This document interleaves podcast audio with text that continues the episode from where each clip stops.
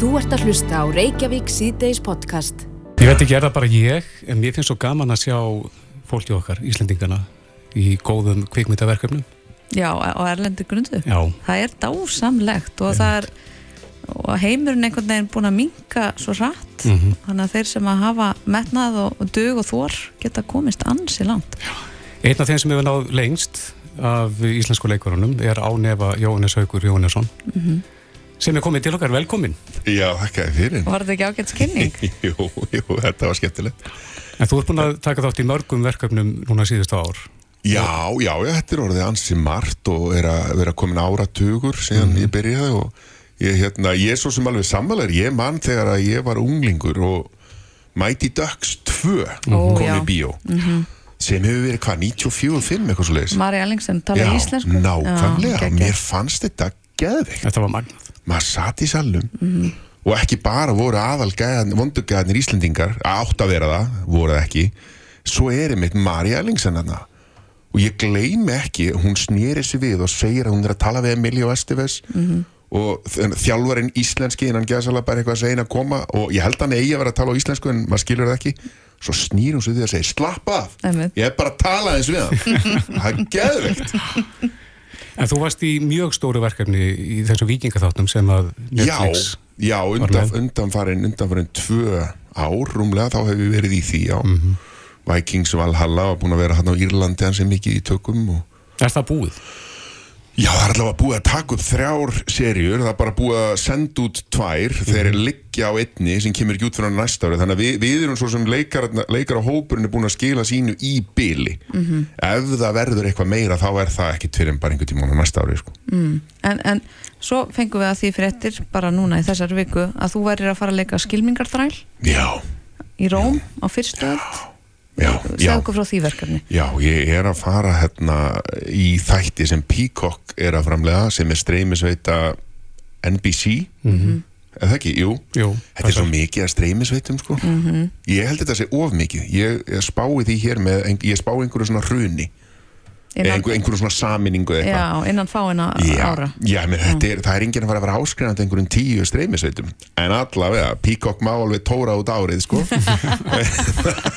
Eitthvað sá fram En þá er þú út búin að fá borgað allan. Já, já, nákvæmlega, þá svo með ég bara fyrir gjaldrótt en hérna, ég heldur séu bara í bandaríkunum þeir selja sína þætti svo bara að samkvæmt gamla mótilina, það getur vel verið að þetta rati bara á rúfi eða stöð 2 eða eitthvað svo leiðis.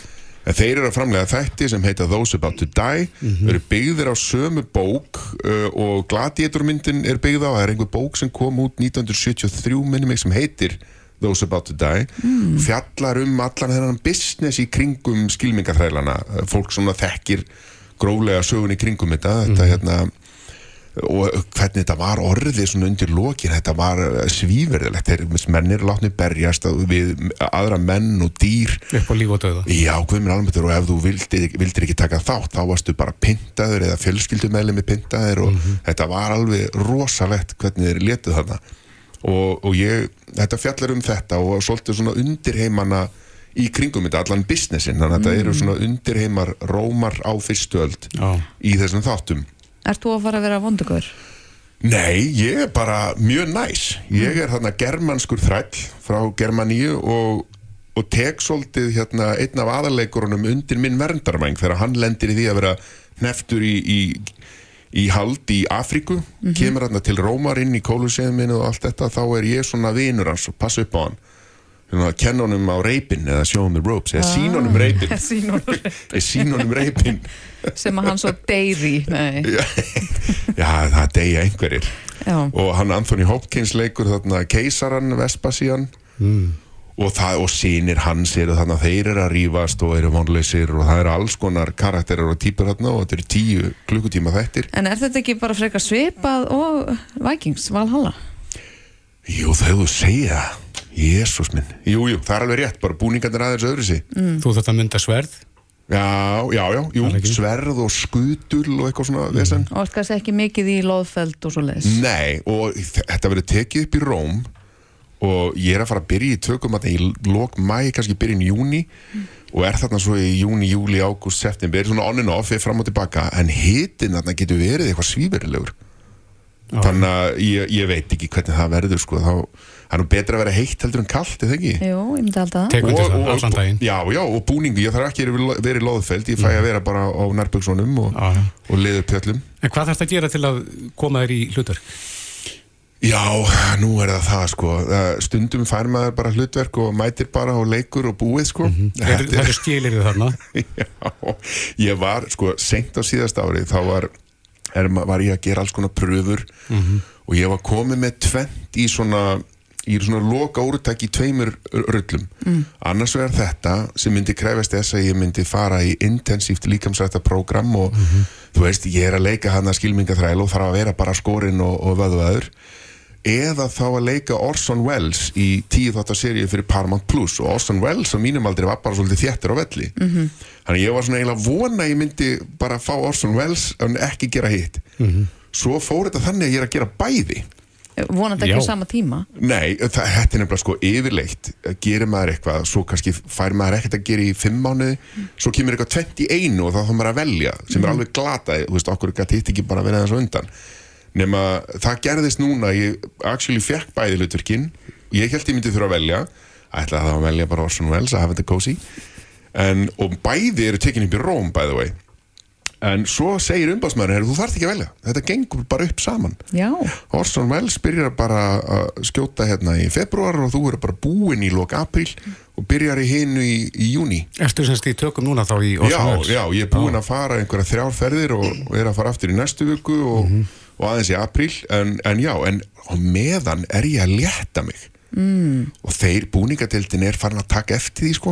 Ég ætla, ætlaður að fela það fyrir þeim? Já, ég menna, ég ætla ekki að vera að segja þeim að ég sé aktíft að vinna gegn útlitinu sem ég er með í þáttunum þannig að ég hef svona eh, og líka í þessum sem Orson Welles þá er ég alltaf í svona 50s jakkafötum og svona. Og þau hérna, þegar ég fór í búningamátuna þá sögðu, nei, veistu, þú, þú ert allt á grannur við erum að setja, því, setja bumbu á þig. Þannig að þegar ég er að leika Orson Welles þá er ég með svona gerfibumbu ah. og hérna svo fer hérna, ég fara jakkafötin yfir en, en í sömu ferð þá fór ég í mátun fyrir gladiator á þættina líka og þeir sögðu, herri, þú ert alltaf feitur þú verður að grenna þig. Og ég bara, já, ok, ég, veit ég, hef alveg þrjá mánuði, gefið mér séns hérna. Ég vona að fá vel borgað. Já, já, þetta, hérna ég get alveg eitt í enga þjálfara og næringa ráðgjöf og, ég, ég, þá verð ég að koma því Já. að ég held að muni nú flestir eftir því þegar þú fórst nú aldeilis all-in ef ég má sletta fyrir Já. svartur og leik en ég, Já, ég segi í gamla daga það er ekkert vola langt síðan. Einmitt, já, þetta er svipa, sko. Þú Er það? Já, ég, hef, ég gerði þetta fyrir svartur og leik og ég gerði þetta líka fyrir aðra mynd sem heitir Alpha 2016 nema ég er bara í einhverjum loðfeld alla myndin og það sést eiginlega ekki sko. Eða sést á andlitinu. Það var sena í þeirri mynd sem átti að vera svona bera ofan við varðeld og, og svo var hún klift út sko en hérna vinnan er það ég, var, ég var í besta formi lífsminns þá en það sést hverki en þannig að ég hef svo sem ég hef gert þetta áður og maður gerir þetta nú ekki nema með hjálp og ég er með þjálfar og ég er með næringaráðgjáð líka sem ég hefur endur ekki haft áður. Og þú náttúrulega þekkir þetta Kristófer, þú ert allur í þessu Jú, jú. að ég er í fyrsta skipti núna ekki sko að deyjur hungri allan daginn. Að því að hún, hún heitir Ástrós er með Holm Holm, Ra- nei, Holm Næring. Holm Næring, Ástrós Hilmarsdóttir heitir hún. Og hún er búin að hérna, hún tengdi mín í eitthvað app og ég er að skrá allt sem ég borða og ég er að borða svo óheyrleitt magna prótíni að ég held ég mætti ekki einu sinni borða svona mikið magna prótíni í formi sko eggja og kjúklinga og fisk og en, en þetta verður til þess að ég er ekkert gargandi svangur eins og ég hef verið áður. Einmitt. þetta er allt svo balanserað. Já, hún stillir þetta af Já, og hún pass segir mér að þú, veist, þú verður að borða hafragrautin klukkutíma að hún fyrir æfingu til þess að það verður orku hérna og, og en, þetta en, er... en er þetta erfiðara núna heldur en fyrir tíu árum? Árum? Já, þetta er, sko, það sem er alltaf erfitt er að mæti ræktina 5-6 í viku og taka á því þar rífa í þessi lóð, Kristoffer, Mm, það gerir sér ekki sér allt Akkurat En það sem er auðveldara er þetta að vera ekki svona svangur. Ég, ég var svo rosalega svangur hérna þegar, ég- þegar ég gerði þetta síðast. Bæði hérna 2016 og fyrir svartur og leik. Og þú veist, maður er að grátanda á kottanum að, og hérna... Dreifum kleinringi og eitthvað. Já, einhvern tíma fór ég bara og fekk mér súklaði og það möndlur, ég var svo svangur og... En núna er þetta allt svona formfastara og, og ég veit líka bara ef ég er að degjur hungri að gerist núna í fyrir þetta og var ég orðin svolítið svangur bara borðaði ég halva doll af kotasælu og allir sáttir. Já, Ég og vöðvarnir. En hvenær byrja tökur á Það er hérna byrj, Gladiator. byrjun í júni Fyrsti töku dagurum minn á að vera 9. júni Gæti breyst, en Mhm. það er svona cirka þá verður að vera komin í stand. Já, það er stefnan ok. Núna kemur spurning sem hefur verið svona gaggrind að bara konur fá.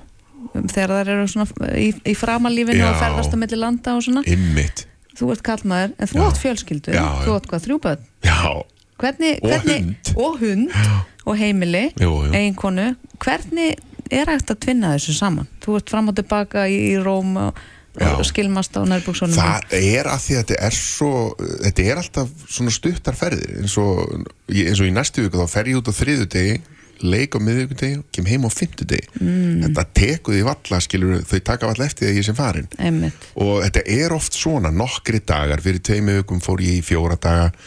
Þannig og ef þetta eru lengri ferðir þá, þá koma þau oft bara með mér og hérna þannig að þetta þetta er allt í lægi sko, þetta er ekki það mikil fjárvera en færðu þú líka góð frí á Íslandi inn á milli? Já, já, svo er maður heima kannski, þú veist, eins og ég verð heima allan mæmánuðin, þá er ég reyndar nýr í World Class bara hjá Kristófur að Mhm.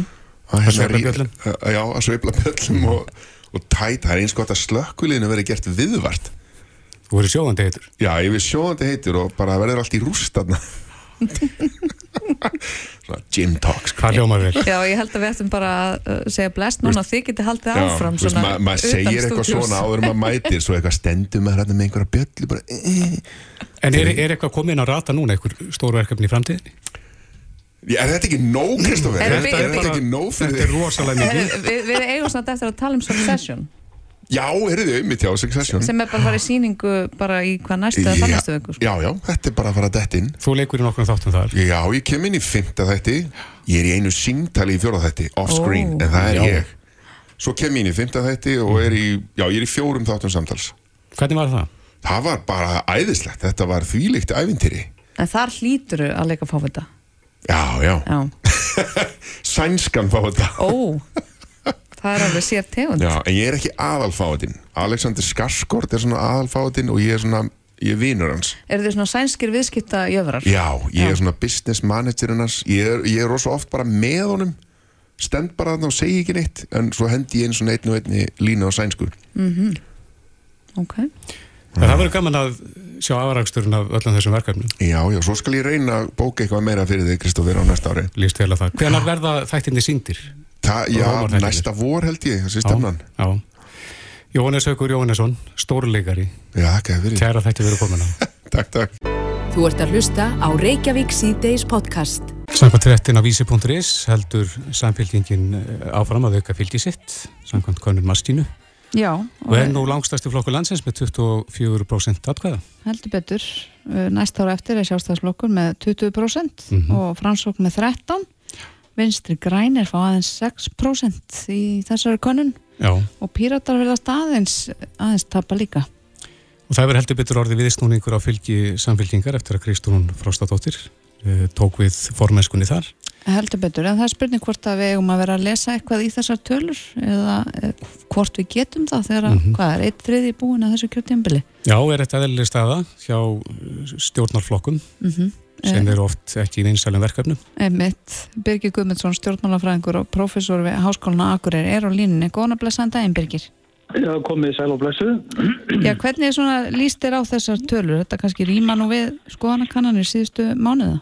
Já, ég held að það sé sem ég nú kannski segja. Þetta er nú svona, þetta er nú hann reyndar sko hafa lifir orðina sem marg ár síðan maður vera að tala um turnana tvo í, þessum sko súluritum sko með skoðanakannunar. Það er að segja samfélkingin og sjálfstæðarflokk. Það virkar þannig svolítið núna og Já, svo svona fjölbreytil flóra raðhúsa og innblusúsa inn á milli sko. mm En þetta er sem sé sko samt þessi könnun núna er í rauninni sko það er, það er ekki mikið að gerast í henni með að við það er könnunni sem að voru alltaf en síðast sko þetta er einlega bara sko mjög svipað og innan skekkjumarka reyfingin sýnist mér sko milli, milli kannana og það sem að þessi staða verðist nú hafa komið upp bara þessi teknast upp sko síðastlið sumar og síð, fyrra höst sko einlega frekar það þá sem að að að það breytingar sem hafa orðið síðan eru svona kannski sko frekar minni aftar sko, það er svona aðeins upp og niður svona smá tvík hingað og þangað sko. Já,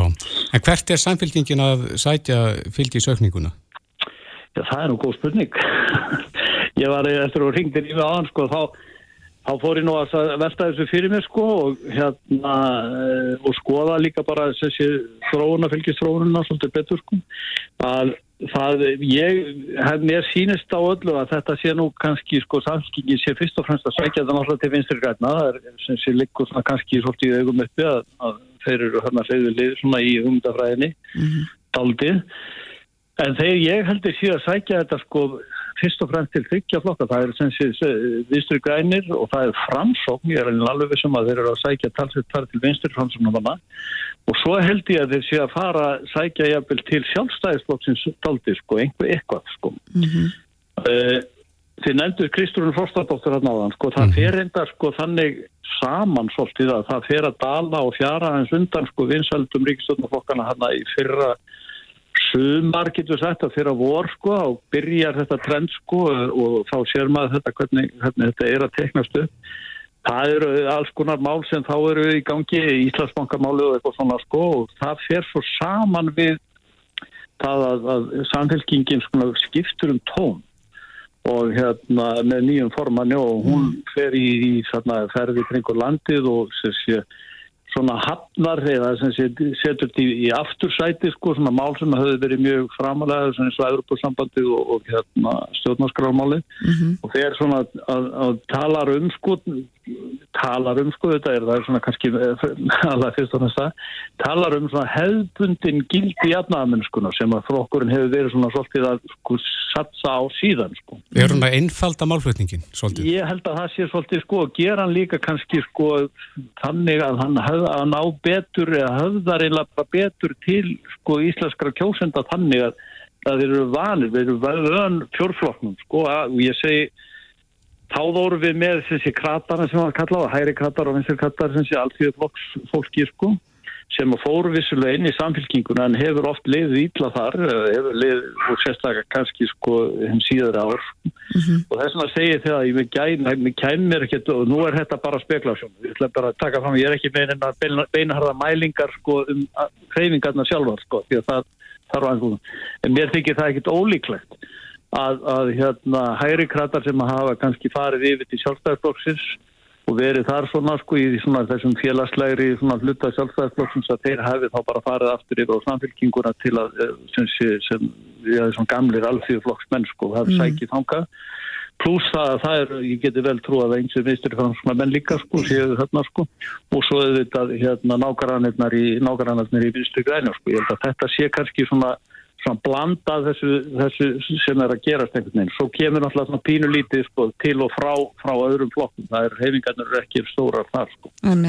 En setur þetta ekki ákvæmna pressu á til dæmi samfélkinguna að halda þessu? Jú, jú, ég meina það, þetta er náttúrulega sko, svo, þetta er náttúrulega bara skoðanakannanir. Og hérna og, og það er eins og eins og, eins og þegar þú kemur ykkur út úr skoðanakannan þá er þetta náttúrulega vinsalast í fræsin, já þetta er nú bara skoðanakannan en, en sem sé að því að það getur breyst sko, það og hefur breyst og það hefur oft gert að menn farið svona skjótust upp á störnu hefinu, það hefur bæði gert með píratarna og það hefur missað vinstri græni gert hérna fyrir ekkert halvtomarkum árum síðan sko, fór bara með heiminskautum sko svo, og fletjast síðan út aftur sko.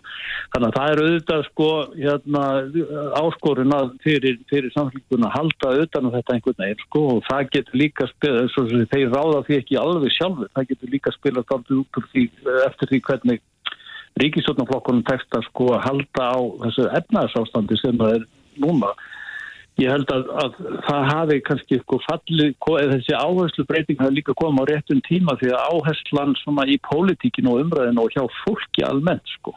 Já. Hún er hverfa svolítið frá þessu svona kannski svona, uh, hvað maður séu svona nýri barðumálum, umhverfsmálum, uh, eh, laslagsbreytingum, uh, eh, hérna stjórnarskrá, hörbursaftur og eitthvað svona sko, yfir bara í svona grunninn sko það er svona ok, hvað, hvað er í hvernig ætlum að skipta kökunni hérna sko, hvað, hvað eru efnis, efnarsbólinn Það er, er heimilisbókaldin Já, heimilisbókaldin fara að ráða meira sko. Mm -hmm. og þá eru þessi kannski svona hérna svona, svona áherslur líklegri til þess að, að, að hérna ná árangri þegar menn er að, að tala um þetta og við sjáum líka að, að það eru sem sé rótæklingarnir eru í sórstarfloknum eru sem sé gera bara þokkalega góða hluti sko. Já, þú, en Birgir, þú segir að, að mögulega sé samfélkningin að sætja hægri kratana þarna aftur. Já. Eh, er samfélkningin með þessu þá að færa sig lengra til hægri? Og hefur verið að gera það undanfarið? Já, sko, nú er það, svo, svo, þetta er svona, aldrei svona snúan spurning, sko, hægri og vinstri í, í þessu. Já, já meirinn á miðina kannski. Já, meira, ég held að séu, sko, að fara að dansa meira á miðinu, sko, og reyna að, að með svona ímis áherslu mál sem að, að hérna, eru svona höfða til hægri krættan og hafa gert það í gegnum tíðina þeir hafa verið svona, svona sko, kannski frálslindar og nær sjálfstæðisfloknum á mörguleiti, mm -hmm. en þeir hafa jafnframt verið sko daldi sterkir og, á, og, og hérna staðfastir sko í þessum svona grunnmálum sem vekliseyfingun og annað slikt sko, þannig að það er svona spurning hvað, hvernig það spilast úr hjá þeim sko, nú hafa þeir reyndar sko verið, samfélkingin hefur náttúrulega í þessu verkvalli og eblingar og svona verið svona daldi svona própaðir sko sem einhvern veginn setja sögar og svona sko mm. að, að verkli sarmur samfélkingarinn en ég er ekki þessum að það sé endilega sko stóri massin sem að einhvern veginn upplifir það sko. Mm -hmm. með að við það að, að það eru svona einhvern veginn kunnulegri áherslu sko En, en varðandi skoðanakannanir eins og segir þá er auðvelt að segja bara þetta er bara skoðanakannan ef, ef, ef ítla gengur um, já, já. Er, er mark takand á þessu? Er mikilvægt fyrir okkur að fá svona skoðanakannanir reglulega? Ég held að það sé bara góð svona punktmæling sko. Að hérna þú ert, ég, sko ég efast ekki um að þetta sé svona hugmyndirna svona í gróðum dráttum sko, ég er ekki kannski upp á punkt og prigg en, en já, ég held að þetta sé stemmingin sko. Í, í samfélagin í dag, þú, þú ert að fá sem sé ákveðna stemmingu í gegn sko. Og, og menn bregðast örgulega við því sko líka, það skára að vera nú að þú ert sem sé mælast mjög ofinsella þá þá reynur þú svona aðeins á eins og hvað eru við að gera sem getur valdið þessu sko. Eða það hefur vort vinsett sko þá veit að menn kannski ég, veit, ég myndi halda það að þess svona sko hérna heiminskautaflug eins og er að koma á, á samfélkinguna að það verður til þess að það sé, styrki þá, sé, þá, þá stefnu breytingu eða þá stefnu afstöð sem þeir hafa tekið núna varðandi sem sé svona til dæmis Európumálinn og, og hann að vera ekki að leggja aðla háslun á það sko, ég meina hinn Európuflokkurinn við þess sko, hann er bara þarna þess að maður var í kringum í kostningarnar sko, það er ekkert að gerast það sko þannig að það er svona ákveð kjördæmi sem er hafða til og virðist ekki vera og það er samt svona frálstundu miðurflokkur sem að hæri krattar gætu hugsanlega hafa sko flutt sig yfir á líka sko mm -hmm. en, en hérna en ég held að það er, en svo ætla ég sko en í þessu að þá ætla ég nú alls ekki sko að draga úr því að auðvitað skiptir máli að það kemur hérna fram mjög frambarilegur leiðtói sko inn í þessu og spjó er sem sé svona orkistrera þetta fólkið sko þannig að hún er, hún skiptir auðvitað miklu málu um Kristján Frostadóttir í þessu spili sko. Einmitt, en þetta er svona stöðu tjekk þessar skoðanakannanir en hvaða flokkar myndu alls eftir vilja kostningar í dag? ég held að stjórnarflokkarnir er síðan okkur spendið fyrir því sko. Nei, þannig að það gæti verið svona kannanir gæti verið lím á stjórnarsamstæðin Já, já, ég held að það er sko í þeirvölu það sem er sko stjórnarinnar býður og stjórnarflokkarna býður náttúrulega sko núna sko, þessi að komast einhvern veginn út úr þessari stöðu sem að verðbólkunni og, og hafa stónum öllu því sko. Mm -hmm og einhvern veginn að tryggja þetta og ég held að það framöndan, við heyrum það bara í frettunum og nú eru að ganga frá svona með síðustu samningunum sko núna og er sé, í þessu, þessar, þessar lótu sem við núna og menn eru ég að tala um sko að, að ríkistarfnir séu sko muni klára þetta fljótlega líka betur og svo er þá komið að þessar langtíma samningum sko og þá þarf að þá reynir á ríkisvaldi líka að spila það þannig svipað eins og þau gerðu til þess ég held að þau hafi spilað ágætla í lífskjærasamningur mm -hmm. þegar þau voru með sko fundi með aðlum vinnumarkaðis og voru sko laungu fyrir og voru sem sé að reyna að fylgjast með og reyna að hafa höndi baka og að bjóða eitthvað til einhver út og vera með og það fylgdi þessu náttúrulega sko heilmikið pakki frá ríkistöldunni í, í lífskjara samningunum sko. Mm -hmm. og ef að mennir meina eitthvað með því að, að hérna, reyna, reyna að ná sko tjóðarsátt sko eins og þetta hefur nú verið kallað á því til tjóðarsátt gegn verðbólgu það þarf eitthvað svo leiðis og uh, þá getur það sko aftur sko breytt stöðinu og nýka til fyrir þá sko eða stöðnaflokkuna þá var reyndar sko í síðustu þjóðasátt hafi það ekki skilað þeirri ríkistöðn hún var bara feld sko kratarnir fóru þá með sjálfstæðarflokknum 91 Svo, svo verður þetta að vera líka ákveðin línundans og þú vilt ekki svepla stof mikið með skonakonum heldur Nei, nei, nei, nei við verðum alltaf svona aðeins að meta þetta sko hvað, en hins vegar er þetta náttúrulega sko vísbendingum það hvað er, hvernig, hvernig fólk eru uppið politíkinu. Akkurat. Já, setja punktin hérna, þetta er ágættis svona eh, sviðsmynd sem þú ætti að draga upp hérna af stöðunni, Birgir Guðmundsson. Spekulasjón. Spekulasjón, akkurat. Birgir Guðmundsson, stjórnmálafræðingur og professor við Háskólan á Akureyri. Kæra þakki fyrir þetta. Já, takk sem leys. Þetta er Reykjavík C-Days podcast. Já, við heldum á svona í Reykjavík C-Days. Um, félag íslenskra befriðanda hefur nú lagt til nýja leið við gjaldtök af aukumönnum mm -hmm. þar að segja gjald á hvern ekin kílometra. Já, þeir hafa lagst eh, gegn þessum vegtóllum eh, svo kalluðu og, og hérna kynja núna svona sitt svar mm -hmm. að því að þessi máli eru til umræðu þessa dagan og, og við finnst komið tími til þess að deila byrðinni á, á eh, viðhaldi við hana. Einmitt. Meira. Það er spurning hvernig þetta verður útvært. Rönnólur Ólásson, frangatustur FIB, sesturinn í Hákur. Velkomin. Já, hver er svona hugmyndin á, á bakvið þetta, þú segur okkur það? Sko, hugmyndin er í rauninni svo að það er þetta orkuskipti sem eru í gangi varandi samgöngur á landi og til lengri tíma þá eh, eins og bara ráðamenn hafa talað um þá þurfum við að innhemta göld af, af nýjorkubílum, rafbílum og sem og tvinnbílum og svo framvegis umfram það sem nú er til þess að mæta aukinni fjárþörfi uppbyggingu veðakerfisins Þannig að e, það hafa komið hugmyndir meðal hans núna stendur til að setja vegtotla og brú, nýja brú sem á að byggja yfir Ölfusá e, brúna í hérna e, semst, nýja vegfrankvæmt sem á að vera yfir Öksi fyrir austan hérna Hortnafjörðarós og svo mætti lengi telja líka erum við að tala, nú erum við farað að tala um það að setja vegtotla í öll veggöng á Íslandi Mm -hmm. Er það fyrir til þess að kosta ákveðin verkefni? Það hugmyndin er að vegtóllanir í veggungin eigi að kosta veggangna framkvæmdir til framtíðar. Mm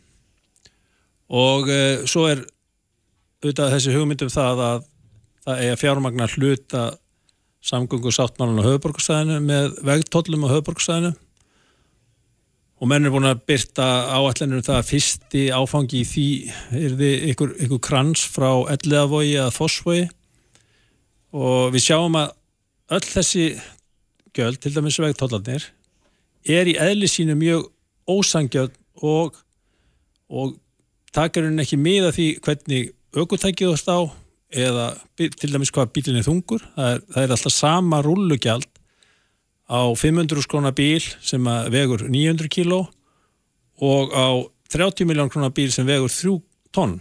Mm. og það er engi sangirni heldur í solis innhendu Svo ef við hugsaum okkur þetta, þennan krans sem átt að vera fyrsta áfengin varandi innnemt á vegtóllum á höfborgsæðinu, þá er það svona, legðist mjög místungt á, á e, bara fólk á höfborgsæðinu og fólk almennt að því að sumir sækja vinnu innan þessa krans og búa þar líka, þeir þurft ekki að borga þetta almennt. Svo verður aðri sem byggja á jöðurunum og svo framvegis og það leggst þingra á þá og svo eh, til lengri tíma bara hefur fólk er að fara á milli svæða þá þarf það að borga vegtóll þannig að það er kannski herri álögur á þá sem er í, í jæðarbygðunum mm -hmm. heldur en þá sem er í kjarnanum og það er ekkit þangjant En er þetta innfaldara þar að segja hvernig á að framfylgja ykkar hugmynd? Sko við erum bara með annars, þetta byggir á tveimur megin fósundu þar að segja umhverfstættinum mm -hmm. og þá er reikniformulan byggð á útlósun og koltvísringi frá aukutækjum og hins vegar á álægi sem að miðast þá við þyngd að því að þyngdin ræði því hvern, hvernig veginni slitna mm -hmm.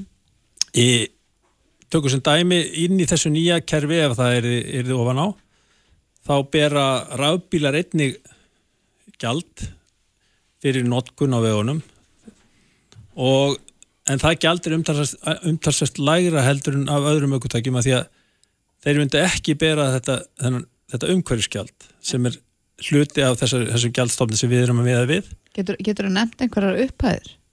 Ég við erum að tala um kannski uh, tökum um, sem dæmi rafbíl sem að er svona bara meðal rafbíl uh, um 2600 hérna kíló uh, heldarþyngd hann myndi vera með 0 í umhverfiskjald en síðan bæra hann, hann, hann er frekar þungur af því að rafbílinn eru þingri en almenni bílar. Mm -hmm. þessi bíl væri að borga um þau byrjum 4,5 krónur á kílómetr mm -hmm. þannig að það ræðs síðan af ásakstri hvað fólk borgar. Hugmyndin er að þetta gjald sé innhemmt bara eins og við þekkjum. Þeir eru verið að rukka okkur fyrir notkun á ramagni eða heitu vatni í, á heimilunum. Og það er einu stuðist bara við eins kerfi varandi innhemtuna þannig að innhemtu þátturinn er til dæla innfaldur og ódýr og þá spyr fólk eðlilega byrju hvernig hefur að vita hvað bílunum er ekkið það er því upphafi áætlun sem er þá við meðalagstur svo er, er hérna bíla koma reynda til skoðan ekki fyrir nætti fjögur ár fyrst. Mm -hmm. þá er tekinn kilómetrstaða en þeir koma yfirleitt í ykkur þjónustu skoðanir á þessu tímabili. Í nágrannlöndum okkar hafa menn búið til kerfi þar sem að viðkendi þjónustæðal að skila kílometrastöðu aukutækja inn í miðlagan gagnagrunn og það er hugsað sem varnaðarkerfi til þess að koma í vekk fyrir að það sé að vera eiga við aukutmæla bíla og svindla þannig svipað eins og við þekkjum í, þekkjum í kringum prókarmáli á sín tíma. Mm -hmm. e, hitt er að þú farið ykkur áallun, þú ekur minna eða jafnvel þú ekur meira en þú vilt bara hafa eðlilega og sangjart innhemtu verið ekki að fá okkur stóran bakreikning eða þá að fá okkur endugreisli í loka ás, þá getur farið inn á skoðanastofu og fengi álestur og þá kemur eðlilegt við með varðandi axtur. Þannig er þetta kerfi til dæmis á Norðurlandunum? Nei, þetta er ekki, ekki með þessum hætti. Það er til svona kerfi í kringum dísilbíla í, á Nýjasjálandi, í kringum rafbíla og tengilt finnbíla í Ástralíu og síðan er það þannig að stóri bróður fylgist nú alltaf með okkur og þannig er í dag að Framlegendur eru að afla upplýsinga um, um eh, axtursnótkun okkar og mörgum nýri bílum í dag fylgir svona app í síman og appi sínir alltaf hvað bílinn er mikið ekkin. Þannig að innan ykkur ára gæti það nú gerst að þetta er bara miðlag gagna öflun. Já. eins og við erum að sjá til dæmis varðandi raforkunótkun og, og, og, og vastnótkun og heimilum að það verða digitalmælar inn í framtína þannig að það skráist bara automatist, við þurfum ekki að ringja inn eða taka mynd af axtursmælunum og hitt væri að það er bara að taka mynd af axtursmælunum og senda inn til skattsins en menn vildi bara fá, koma uppsýngum á framfæri. Og svo er hugmyndin líka við árlegt uh, skattaframtal þá myndir fólk færa inn koma, það er forritað inn í, inn í skattaframtali hvaða aukur þæki er á þínu, þínu kentölu. Mm -hmm. og þá myndir þú færa inn kílometrastöðuna á þeim tímapunkti.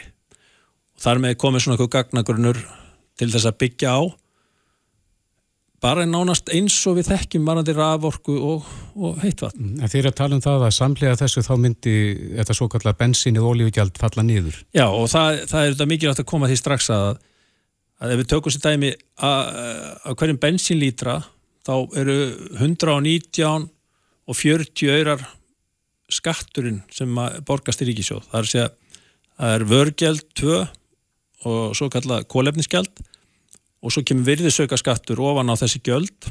Og þetta, þess, þetta er hérna tæmlega 120 krónur. Þá ætti bensinlítirinn á sama hátt að lækka sem nefnur 120 krónum.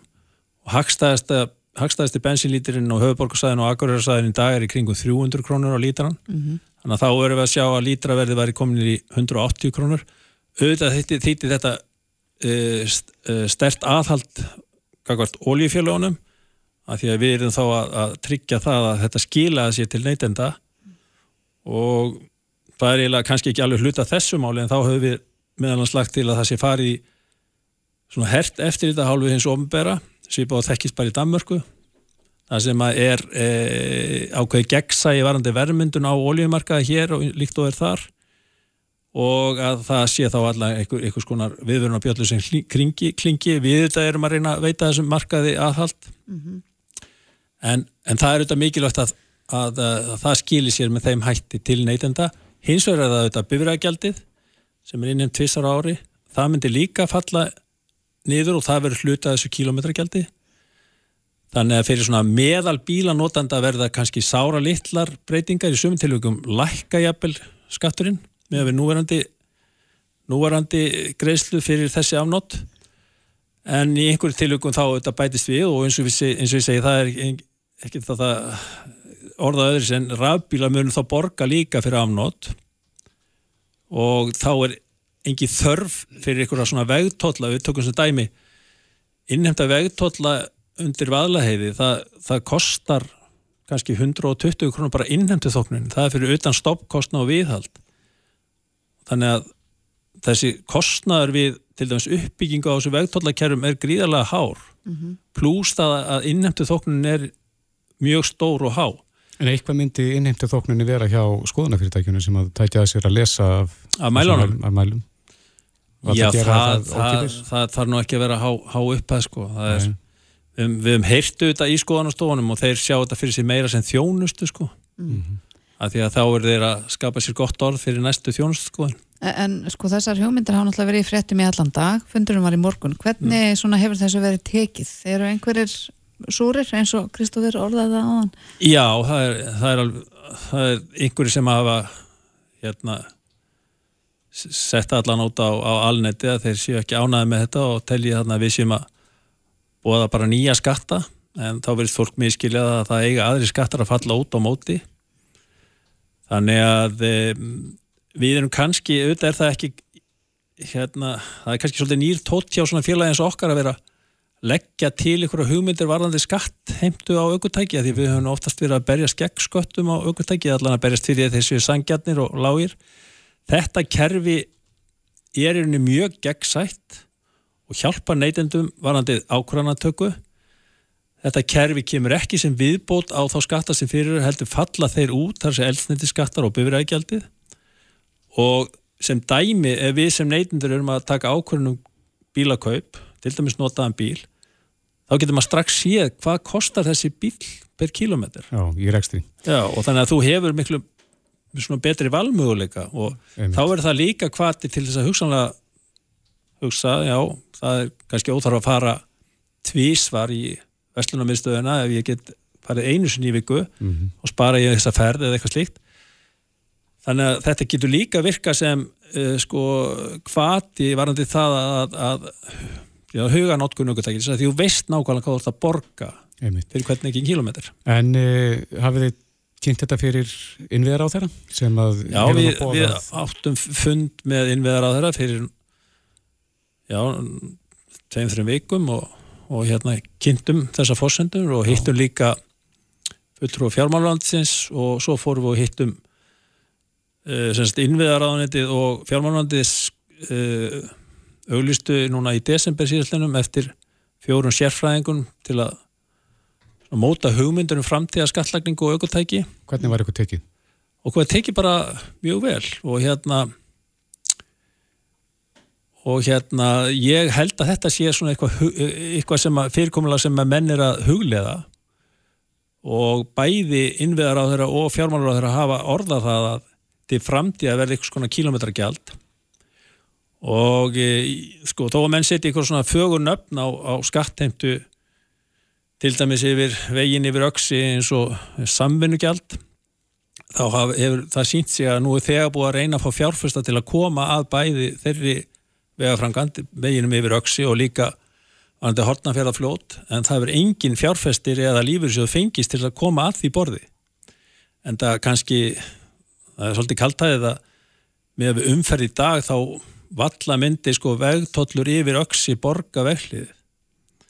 Þannig að hérna, þetta er alltaf við sem borgum reynum að gera þetta einfalt og ódýrt. Við erum til þess að gera lítið samfélag. Uh, við getum gert þetta með þessum hætti og það er bara það má segja að við séum bara leggja til hugmyndir og leiðir og fórum aðeins reynda dýbra í það. Það er eitt að segja kílometragjald mm -hmm. við fórum bara bjökun til formúlur í með aðstóð sérfræðinga sem að gera þetta svona raunhæft og þetta byggir á meðal notkun og meðal mengun frá aukutækjum landsmanna. Já, fólk getur kíkt á reiknumvelina inn á fib.is Það verður áhört að sjá hvað framtíðin byrja skoðið sér í, í þessum efnum. Rúnólur Ólásson, Frankundustjóri FIB. Takk hjálpa fyrir spjalli. Takk, takk. Þetta er Reykjavík C-Days podcast. Já, þá er klukkan uh, klukkna vanda 29 mítur í 6 mm -hmm. og uh, það er Pistit hérinn á vísi sem að ber titilinn í fjögur ár með ske skemmt eista og þessi Pistit hefur aldeilis farð og flug. Já, hann eh, rýmar svolítið við eh, átak Krabbameis félagsins, Mottumars, mm -hmm. þar sem er talað um humarana. Einmitt, að humma af sér enginni. Mm -hmm. En svo sem skrifa Pistilinn er á línunni Steinar B. Albjörnsson, næringafræðingur hjá Krabbameis félaginu. Góðan að blessa hann daginn, Steinar. Góðan daginn. Já, þú ert einn af þessum humurum eða varst? Já, heldur betur. Se, segð okkur aðeins þessa sögu sem þú ferði yfir hérna í pislinum. Já, gerðnan. Það var árið 1996 og ég er þá í nám út í bandaríkjörnum. Ég er búin að eignast uh, eina stelpu, hún er fyrkja hálsás og, og er enda 96 er fæðist hún en, en uh, ég er hann í knastfjöluleik, uh, spila fótbollta með skólanum og eins og gengur að gerist og margir kallkynnslastum menn uh, þekkja þá eins og sem ekki þetta óefningt að fá bólsta í bungið og menn leggjast að það niður og, og reynar svona ekkert að koma sásakannu í burtu mm -hmm. en þetta var öðruvísi vegna sem ég er að tegja mig eftir varnamanni sem er að spilna bólsta frá og, og tegja sérst vinstri fótinn og einhvern veginn þá uh, lendir eist á millir lærisins á mér og boltan sem spintir frá. Há. og það greinlega klemmist svona illa um kvöldi þá, þá þetta var rosalega vant ég fann það bara þetta var allt öðru sem fá sem er hefðbundin bolta í pungin. Mm -hmm. e, og svo náttúrulega kemur að ég um kvöldi að, að hérna, ég er að pissa og þá kemur bara kom svona blóðflíksur það er rosalega sált og náttúrulega auðlust að eitthvað er, er í gangi fer til læknistægin eftir að daginn þar átti, ég man ekki alveg hvernig þetta var, bara fyrst í tími sá að laus. Mm -hmm. og þá kemur ljós að, að það er einhver viðbröðu líkamanns þarna hvítu uh, blóðkornin eru, eru algjörlega út úr korti og ég láti fá uh, síklanlegu jakkur sem á að vinna á þessum, þessum uh, málum. Kem svo aftur um það byrju viku setna, viku tíu dögum setna þá er þetta allt betra Mm. Uh, en ekki alveg 100% ekki alveg komin innan marka hvítu blókortnin þannig að læknir segi kontu aftur eftir viku eða tíu daga ef þú ert ekki orðin góður og þar ke kemur hummarinn inn í okkur, í okkur kollum það er, hefði alveg verið jafn gott fyrir læknin að segja herðu þú þarft ekki að koma aftur mm. þannig að við erum svo duglegir þegar eitthvað er að, að við erum svo duglegir að hugsa bara Nei, þetta, þetta fer bara. Þannig að þú fórst ekki áttur? Ég fór ekki áttur. En hvernig Nei. var staðan á þér? Var hún betur? Var, já, hún var sko allavega niðurstöður ansvöfna að sögðu það, en, en ég var mjög auðvitað, þannig að auðvitað hefði ég átt að fara aftur og við getum ímyndið ykkur allavega hennar tíma frá, sem er liðin frá því að þetta gerðist, hversu mikið ég er búin að hugsa um þetta af hverju ég fór ekki og niðurstöðan er held ég bara svo svona einstinni fyrir mig personlega ég hafi bara verið skítrættur um hvað væri í gangi. Þetta gengur þetta svona í fjögur ár og það er alls konar vandamál sem að koma, þú veist, ef ég sest á eitthvað svona já, sófa eða eitthvað sem kannski er hérna, einhvers konar misfælli í, þá finn ég fyrir þessu. Uh, ofta ég var að klæða mig í gallaböksu þá fann ég fyrir þessu, kynniði ég kann, fundi fyrir þessu þá, þannig að það var ekki leikur vond að pissa en það, það var greinlega ekki allt í lægi og svo smátt og smátt að myndast einhver svona hattur á eista, hegra eista. Mm -hmm.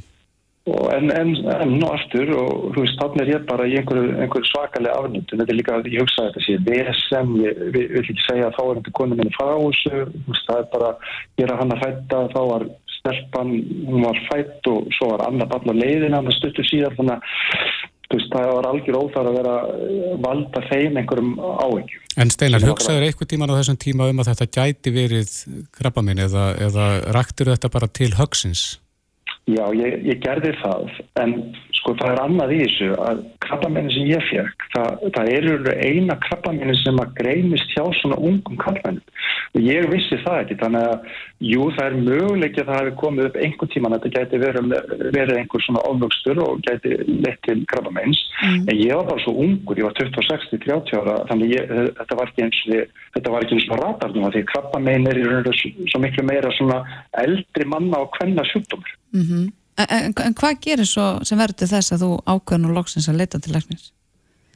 Ég sest í sófan heima í stofinu og það var einhver misfælla og það var svona svakalug stingur upp í klóðu og ég held reynilega að dótti mín tryggja háls og segði skilði eitthvað oddkvast eftir í sófanum en ég snýri mig við og, og hérna, þar var ekki neitt mm -hmm. og þá hugsaði bara ok, hvað er í gangi? Það er eitthvað mikið aða því að þetta hafði aldrei gæst áður svona svakalug sásviki mm -hmm. Þannig ég fyrir læknis bara strax daginn eftir og nokkuð ætlum að fá tíma hjá læknir hérna og hann sendi mig strax til annarsleikni sem að sóna reista og þá kemur þetta þykkild í ljós og hann er bara einhvern veginn svona eða dolti of mikið beinskiptur fyrir minnsmekk og segir þetta er bara krabba minn, ég er búin að sjá það marga oft og þú ætti bara að láta taka ístaf og, og hérna ég var alveg ekki sáttur við þessa meðferð mér fannst hann ekki að hafa innistæði fyrir að segja þetta, hann var ekki búin að taka neitt síni og ekki neitt en síðan bara kemur ljós þegar ég fyrir að leita mér þriðju hérna fyrir til þriðja lækningsins og það er útskýringar og svo fjórða lækningsins sem að, sem að var nú reynda krabbmeinsleiknir Lans Armstrong sem nú kannski ekki eins gaman að segja frá í dag eins og var þá mm. áður með Lans Armstrong hérna, fjallastallinum mm -hmm. en hann, hann orðaði þetta bara eins og, eins og hendaði mér, hann saði bara Steinar, þú ert með tvö eistu þú þarf bara eitt, láttu taka það Mm -hmm. og ég var komin í aðgerð örs, bara örfám dögum síðar og svo náttúrulega kemur inn þarna þessi, þessi fæðsla, þú veist, er þetta illkynja? Já, og svo er þetta búið að dreifa sér sem þetta fyrir nei þannig að maður gengur í gegnum þetta sorgarferðli sem að öllum eins og maður greist með uh, krabbamenn er sameilegt. En sem betur fyrir að þá fór þetta alltaf besta veg og svo kem ég hérna heim til Íslands 2001 og geng bent í faðminn á bæði krafti og krabbamennsfélaginu og, og allir svo stuðningu sem að ég fengi þar er náttúrulega bara algjörlega ómetanlegur. Já, en þú fóst þarna á milli fjögur að lækna. Varst að vonast eftir því að einna þeim myndi segja að þetta var ekki krabbamenn? Já, það er bara... Þú varst að leita neginu? Ég var að leita með, þetta er svo hárið til að, að þetta er einhvern veginn, þetta er svo styrlað þegar maður hugsaður tilbaka en á sama tíma veist, það er svo margi kallmenn sem gerir þetta og á sama tíma og ég get verið að svona segja um hvað ég var mikil kjáni þá skil ég þetta með því að það er einhver svona djúbstæð hlæðsla í okkur um að sé eitthvað að og þá er þetta bara vesen fyrir okkur og fyrir alla aðra mm. En vandamáli hverfur ekki við það að humna þetta fram að sér? Nei, og mér finnst þetta orðstum að nota Kristoffer á hann hummari, mér finnst það bara alveg frábæst. Já, ég átta, nú reyndar ekki þetta bara fylgir þessari auglýsingahefðið, þannig við höldum því Já. til haga. Já, en, en hummari er gott orð. Það er mjög gott orð, en, en sko Steinar, hugsaðu stundu þið tilbaka sko hvað þú varst brjálaðislega heppin samt sem áður? Já, ég gerir það og, og hérna, þetta er eða, sko, ég segi, nú í móttum að sér að halda fullt af fyrirlestrum og ég kem inn á mínu sögu í þeim flestum. Og sko, ég segi ofta að ég er rosalega vond dæmi um hvernig á að gera þetta, en þess að ég slapp fyrir hótt. En á sama tíma þá hugsa ég, fyrst að ég slapp fyrir hótt og þá ætla ég að nota minn tíma vel til að segja öllum öðrum hversu ótrúlega heppin ég var. Mm -hmm en láta þá ekki taka sama séns og ég eða stöðla því að þeir taki ekki sama séns og ég. Einmitt. Og þegar að krabba meinur annars vegar þá skiptir tímin öllum áli Já, heldur betur. Og þessir hummarar, þeir eru svo margir. Það var rannsókn hjá krabbinsfélaginu sem var 2000, ja, 2001 og tók til einstakleika sem er greindist á tímabilið 2015-2019 mm -hmm. og hvorki fleirinni færi en 50% kallmennum byðu í þrjá mánuði eða lengur með enginni mm. og einna hverjum sex hartnær byði áriða lengur og svo var náttúrulega einstakleikar einhver sem er byðu lengur og ég er örgulega á toppnum með hversu lengi ég byð og, og hér lífi mm. uh, gott dæmi en samt ofbúslega slengt dæmi Já En það er mjög gott að þú setja meðla þinnir einslu steinar, vonandi vekur það einhverja til umhugsunar.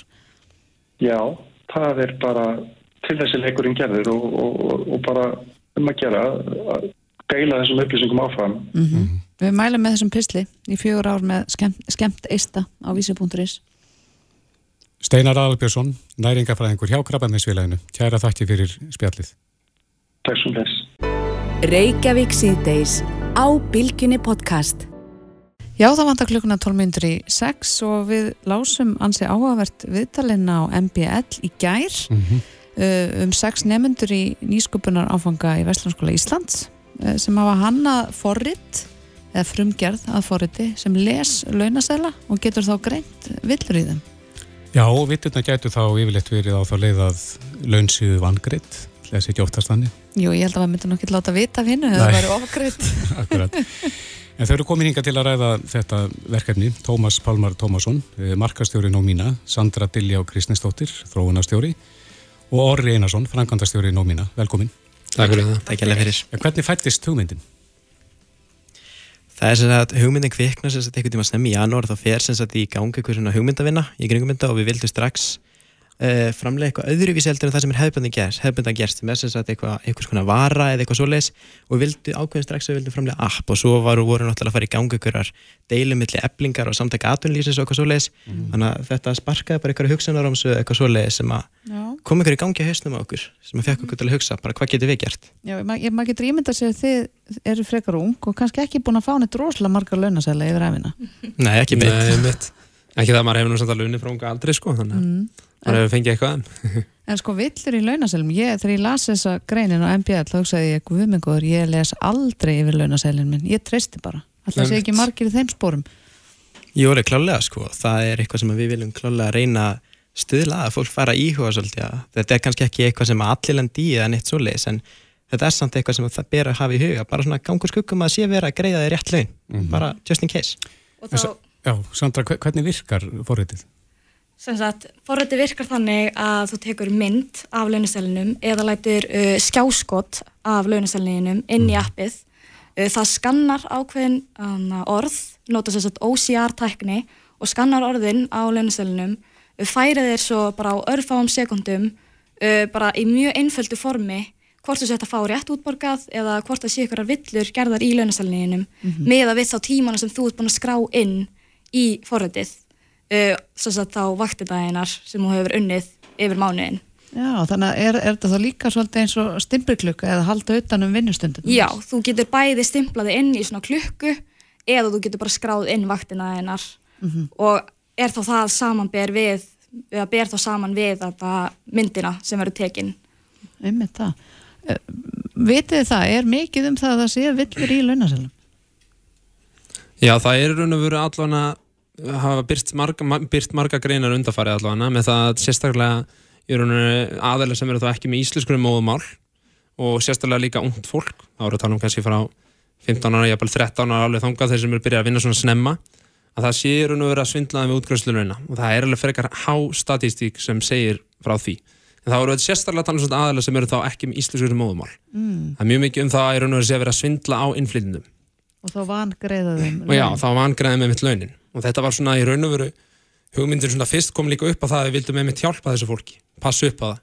Út af því að okkur finnst mikilvægt einmitt að eins og við höfum oft sagt að í raun og veru rétt laun er allar hagur. Mm -hmm.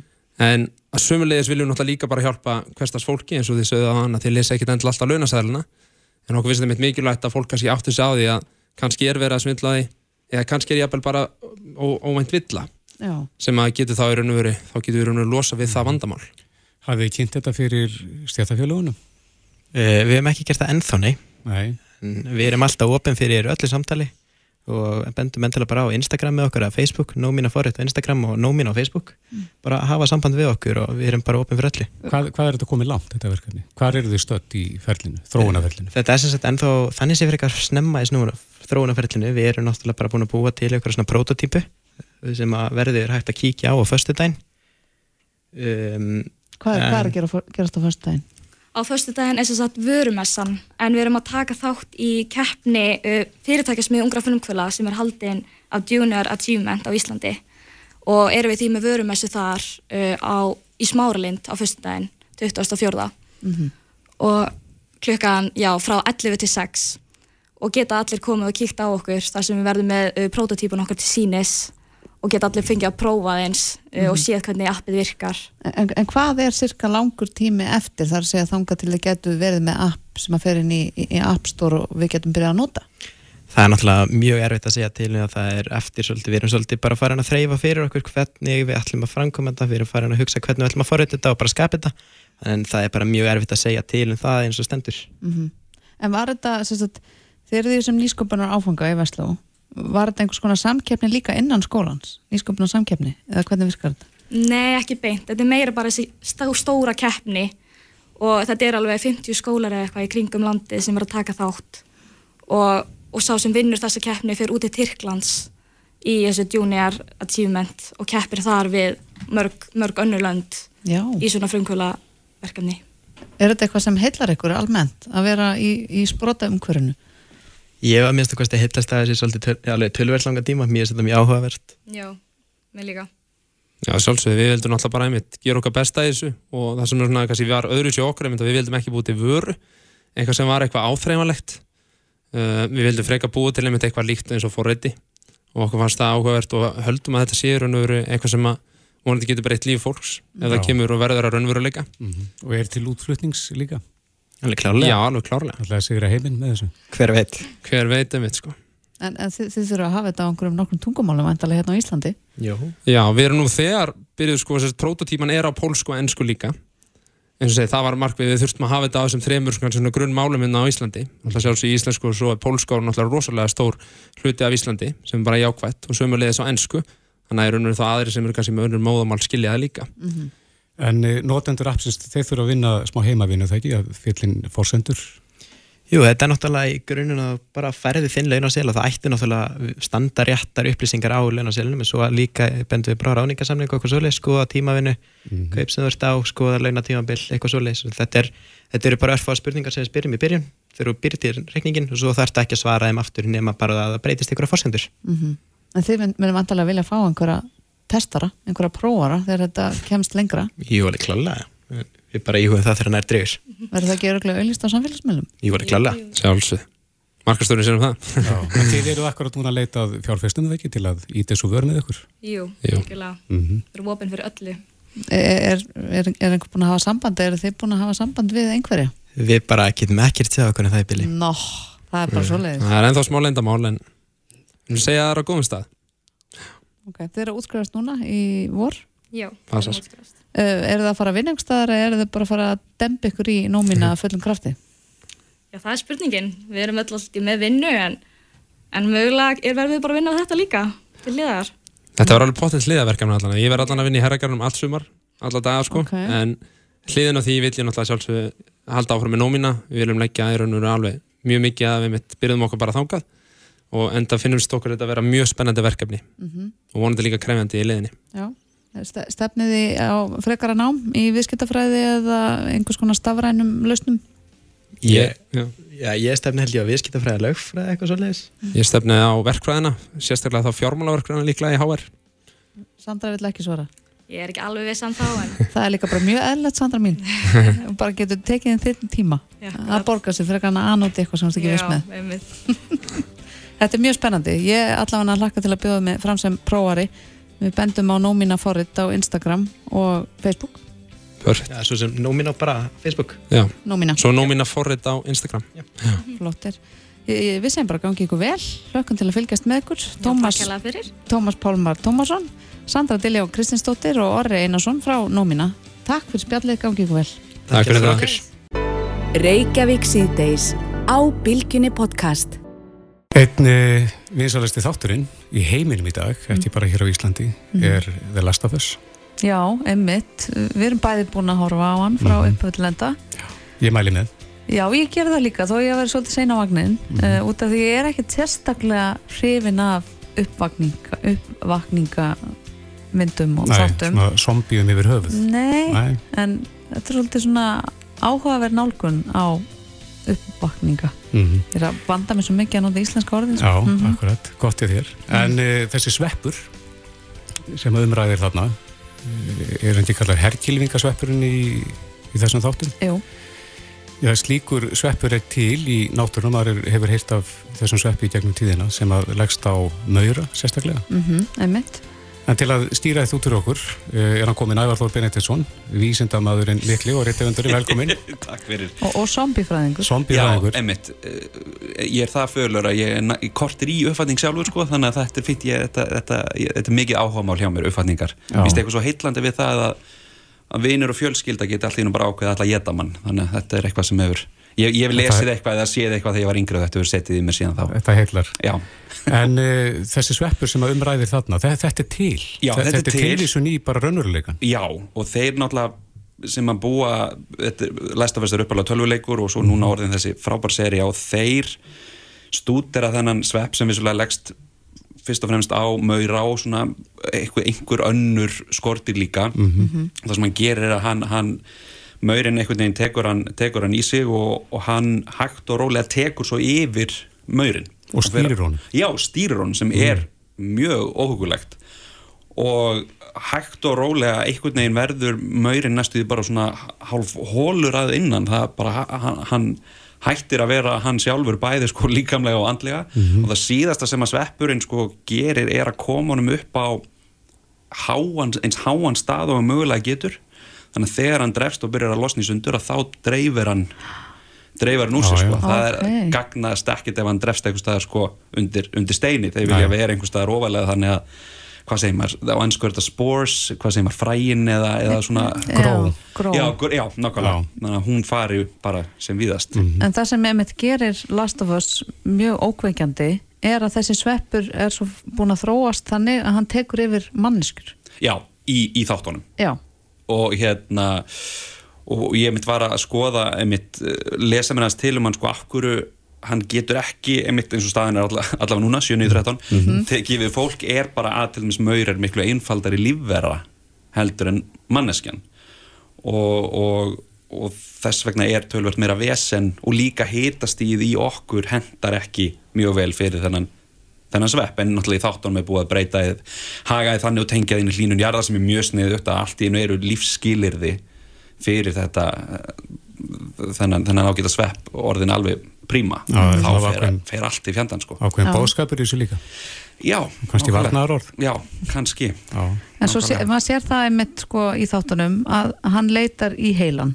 Sveppurinn vex í heilanum og breyður úr sér stann Emitt, emitt og það, mér varst mjög áhugavert til þessa uppvakninga er að þeir sjá ekki neitt. Já, það er mjög flott, það er líka sko, ég held að þegar fólk og nú tala ég bara sem að því eitt af því sem ég ger er að skrifa til dæmis eins og uppvakningasögur fyrir börn og ólinga og, og maður þarf svolítið að, að setjast nefnir og hugsa bara okkur hvað er búið að gera og hvað get ég gert sem er örlítið öðruvísi? Og þarna eru þau að koma inn með einmitt eins og segir, þeir sjá ekki neitt en þá kemur á móti, þeir heyra alveg gríðarlega vel. Mm -hmm. og það einhvern veginn er er, það er svo spennandi að sjá einhvern veginn nýtt og þeir eru snöggi líka sem er alltaf mjög óþægilegt það er alveg nógu óþægilegt að það sé eitthvað skrimslega eldamann hvað þá að það sé mjög fljótt að hlaupa og búið að vera greinlega mjög duglegt í rektinni -hmm. þá hérna, það, er, það er, gerir vond verða þannig að þetta er, þetta er náma alveg, alveg þetta og ég hef svolítið þurft að vera með þá reglu að ég þarf meðvitað að ákveða ég ætla ekki að stoppa. Ég það til, ég er svona sem þegar ég horfa á hluti þá stoppa ég þegar þið verða óþægilegur og tek tvær fyrir myndur í, kannski fyrir síman og, íti svo aftur og play bara til að þetta, gerist líka eða er eitthvað vandræðilegt að fara að gerast þá þarf ég að stoppa Núlstilla Núlstilla, nákvæmlega. Þannig að ég hef þurft með þess að þetta til að fá upplifununa alveg beint í æða bara áður í ít og play að hugsa bara, nei, nú má ég ekki stoppa. Ég ætla bara að taka þetta allt í einni beit. Þannig var þetta búið til og við ætlum að taka þetta inn þannig og þá líka bara og þeir eru náttúrulega mis óþægilegi þættitinn það koma þarna nokkrar inn á milli þar sem maður er bara, bara staðinn nánast sko, maður er komin í hnip að sko, koma sér einhvern veginn út í hotni í sófónum og næstu í staðinn upp sko því það er alltaf verða vitlust En uh, að þjó nefnir hraðan þeir, þeir hafa breyst í gegnum tíðina þessir uppaflögu uppvakningar þeir voru að hægfara?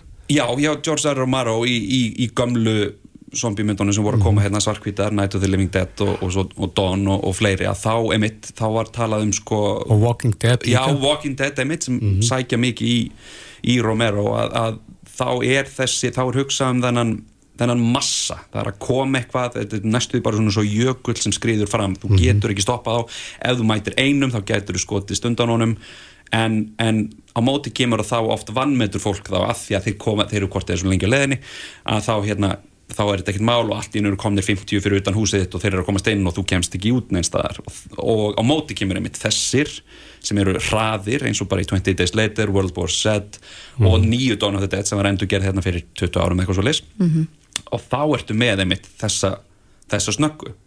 Og þeir, mér finnst þeir alltaf miklu óþægilegra að því að en ég hugsa á móti kemur þú átt ekki séns. Og það kannski gerir myndina, ég veit ekki eða, eða þáttin ekki eins spennandi að því að þú veist bara, ég, ég bara, já ekki senast, þetta er, þeir, þeir eru óstöðvandi. En, en eru þeir alltaf á höttunum eftir því að býta okkur og smita okkur af því að vera uppvakningar? Sko ég... Svona almennt í zombifræðum?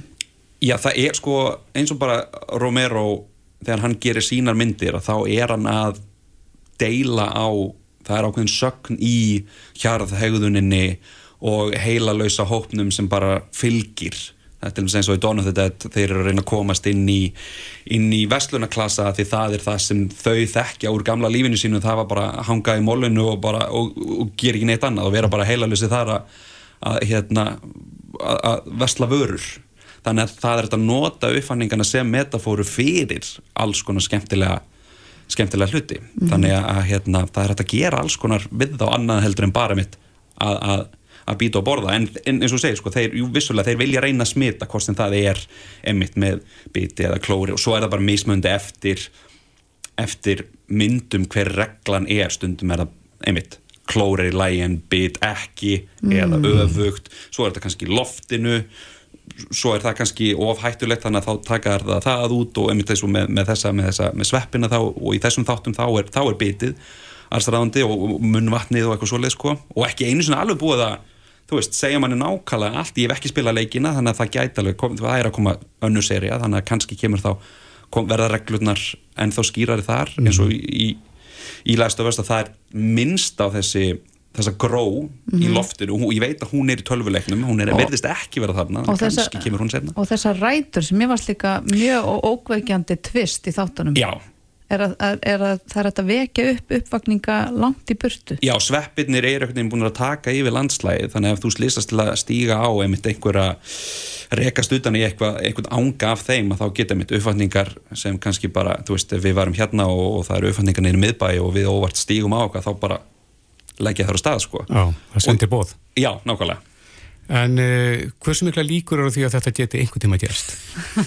Ég veit að margir hafa veltið þessu fyrir sig. Er, getur þetta orðið? Ég, sko, ég held að þetta get ekki orðið sem betur fyrr, en, en við finnum bara eitthvað annað. Þeir voru að þýða núna held, ég held að það voru söðurskautinu þeir voru að, að afþýða hérna 4500 ára gamla veiru sem þeir fundu í síðustu viku Einmitt. þannig að ég held að við getum við þurfum ekki að ágjöra sveppunum, ég var meira kannski að spá í hvað þeir eru að bralla þar mm. og hérna er, ég, ég, ég missi meiri svefni við því heldur en sveppunum sko. En, en sko, hvað myndir maður þurfa að gera til að lifa af eins og í Last of Us eða Já. bara almennt ef við myndum hérna vakna í daginn og það væri bara komin einhver zombiefaraldur Hva, hvaða ráð hefur þú fyrir almenning?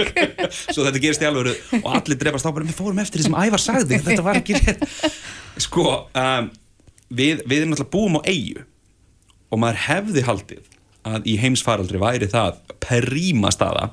Komist að því hérna fyrir nokkrum árum að það kannski er, er, er ekki alveg rétt. En, en á móti kemur að það eru hérna góðar samgöngur til landsins, það er gott, mm -hmm. þú veist að móti kemur verðan getur komið. Um, sko við þyrtum bara, við náttúrulega búum vel að því að það er, er hérna það, það er mikill matur í kring, þú veist, maður þarf alltaf að hugsa um það.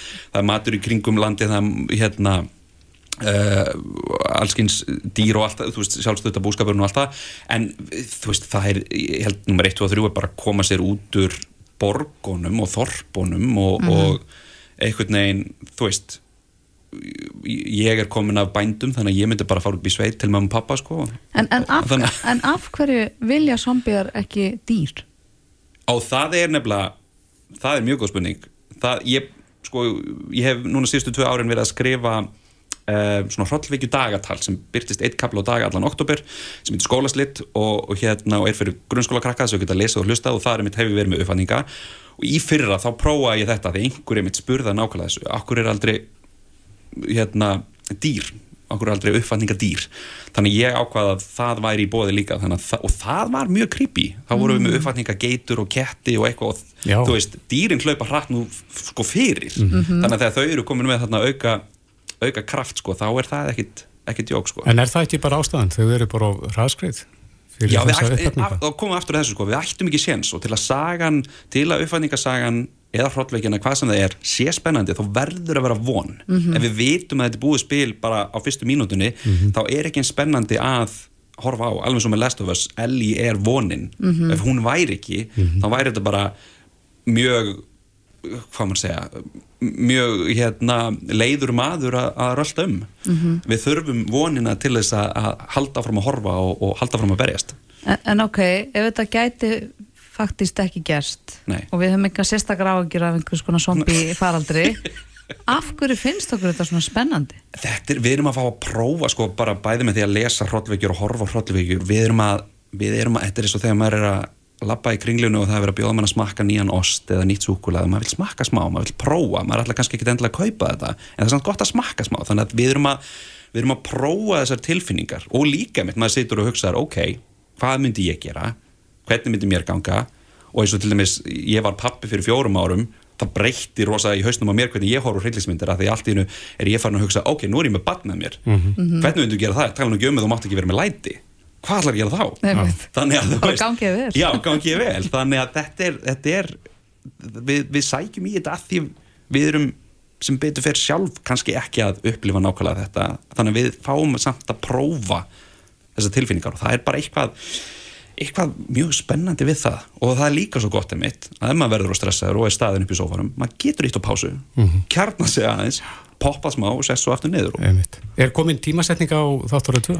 Ég veit við erum ekki byrjuð að taka upp ennþá þannig að við erum örgulega að tala um 1-2 ár, eitthvað mm. svolítið sko en það er leikurinn er komin út sko nummið 2 mm. og er vist frábær líka Já. þannig að hérna það er þá að stitta stundina með því að spila hann Já, ég veit að endurinn á þessari fyrstu séri var mjög umdeldur mm -hmm. uh, og vakt upp ímsa spurningar þannig ég er mjög spennt að sjá séri 2 af Last of Us. Mér skilst að sé meira af svona spurningum okay. í séri 2 þannig. Okay, okay, Á þess að ég hafi, hafi lesið neitt, ég er að passa og nú taka við sko tvö ára af mér að passa mig að rekast ekki á spoilera úr mm. leiknum. Þannig að farið fari varlega. Það er enda mjög góð ábyrting mm -hmm. Ævar Þór Bendtsson, leikari, riðnöður, vísindamæður zombiefræðingur, ég veit ekki hvað hvað.